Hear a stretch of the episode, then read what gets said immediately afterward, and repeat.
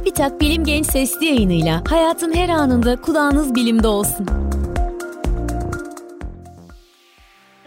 Gençler selam, ben Fatma Gönen, beslenme ve diyet uzmanıyım. Bugün sizlerle hormonların kilomuzu nasıl etkilediğini konuşmak istiyorum. Hormonlar vücudumuzdaki işlevlerin düzenlenmesinde ve kontrol edilmesinde anahtar rolü olan sinyal molekülleridir. Yani kimyasal habercilerdir. Vücudumuzdaki hipofiz, tiroid, paratiroid ve adrenal bezler gibi bazı bezler tarafından salgılanırlar. Salgılanan hormonlar kana karışarak doku ve organlara ulaşır.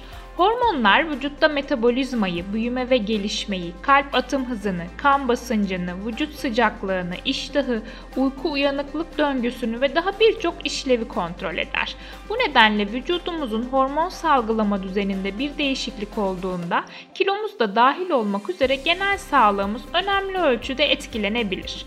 Hormonlar vücudumuzun enerji ihtiyacı seviyesinin korumasına yardımcı olmak için iştahımızı düzenler. Bazı hormonlar açlık hissi verir. Bazıları ise yeterince yemek yediğimizin sinyalini vererek tokluk duygusu oluşturur. İştah kontrolünde rolü olan hormonlardaki dengesizlik ise kilo alımına veya kilo kaybına neden olabilir. Motilin, nöropeptit Y ve grelin açlık hormonlarından bazıları. En bilinen açlık hormonu olan grelin mide mukozasından salgılanır ve beynin açlıktan sorumlu bölgesi olan hipotalamusu uyarır. Grelin gıda alımını arttırmanın yanı sıra uyku uyanıklık döngüsü ve glikoz metabolizmasında farklı işlevleri olan bir hormondur.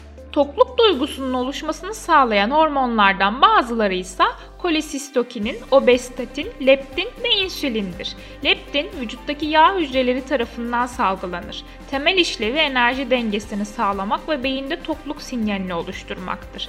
Yağ hücreleri leptin sayesinde vücuttaki yağ miktarı hakkında beyne bilgi verir. Bu sayede vücuttaki yağ miktarı yükseldiğinde beyne daha fazla yemek yemeye ihtiyaç olmadığı mesajı iletilir.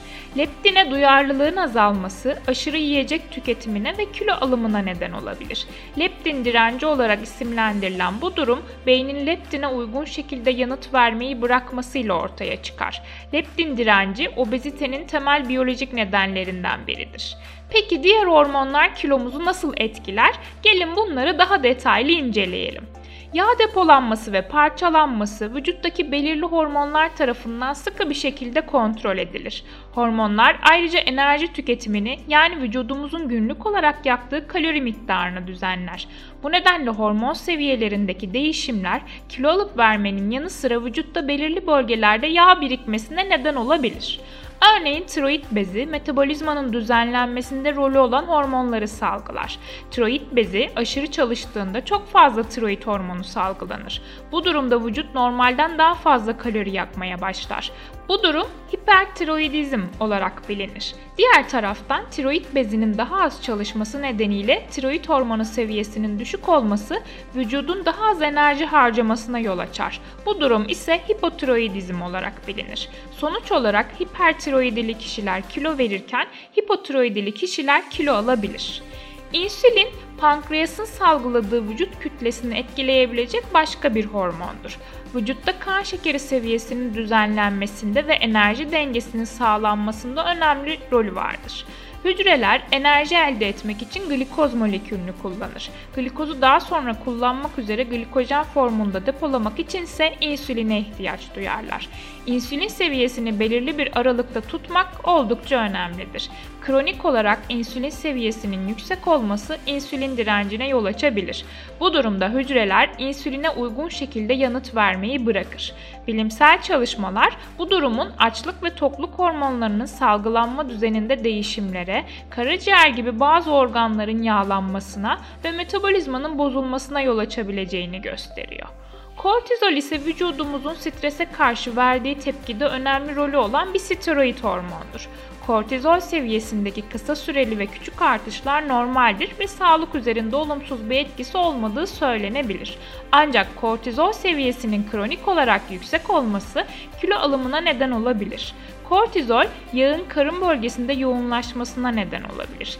İştahı özellikle de yağlı ve şekerli besinlere karşı duyulan isteği artırır.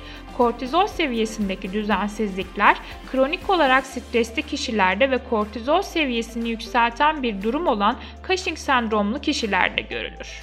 Peki yaşam tarzı ve beslenme hormonları etkileyebilir mi? Yaşam tarzı vücut kütlesi üzerinde rolü olan hormonları önemli ölçüde etkileyebilir. Beslenme düzeni, örneğin günlük olarak tükettiğimiz yiyecek ve içecekler, fiziksel aktivite ve kronik stres hormonların salgılanma düzeninde değişimlere neden olabilir. Araştırmalar, işlenmiş gıdaların ve rafine şeker içeren besinlerin hormonal düzensizliğe yol açabileceğini gösteriyor. Örneğin şekerle tatlandırılmış içeceklerin sık tüketilmesi insülin ve leptin direnciyle ilişkilendiriliyor. Ayrıca araştırmalar protein açısından zengin ve karbonhidrat açısından fakir beslenmenin açlık ve tokluk hormonları üzerinde yüksek karbonhidratlı ve düşük proteinli beslenmeye göre daha olumlu bir etkiye sahip olabileceğini gösteriyor.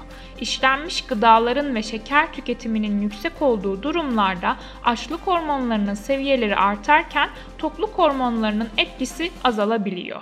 Bu etkiler aşırı yemeye ve kilo almaya neden olabiliyor.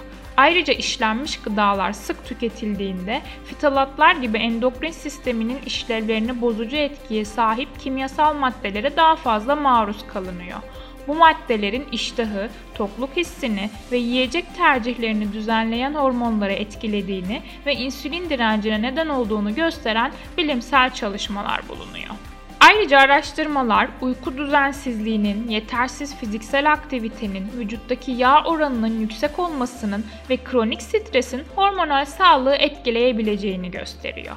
Özetle sağlıklı bir kilo ve hormonal denge için işlenmiş ve şeker içeriği yüksek besinleri daha az tercih etmek, vitamin ve mineraller açısından zengin ve dengeli bir beslenme düzenine sahip olmak, stresi yönetmek, düzenli uyumak ve fiziksel olarak aktif olmak gerekiyor. Eğer hormonlarınızla ilgili bir sorun yaşadığınızı düşünüyorsanız mutlaka bir endokrinoloji uzmanından destek almalısınız. Benim bu bölümde söyleyeceklerim bu kadar. Bir sonraki bölümde görüşmek üzere, hoşçakalın.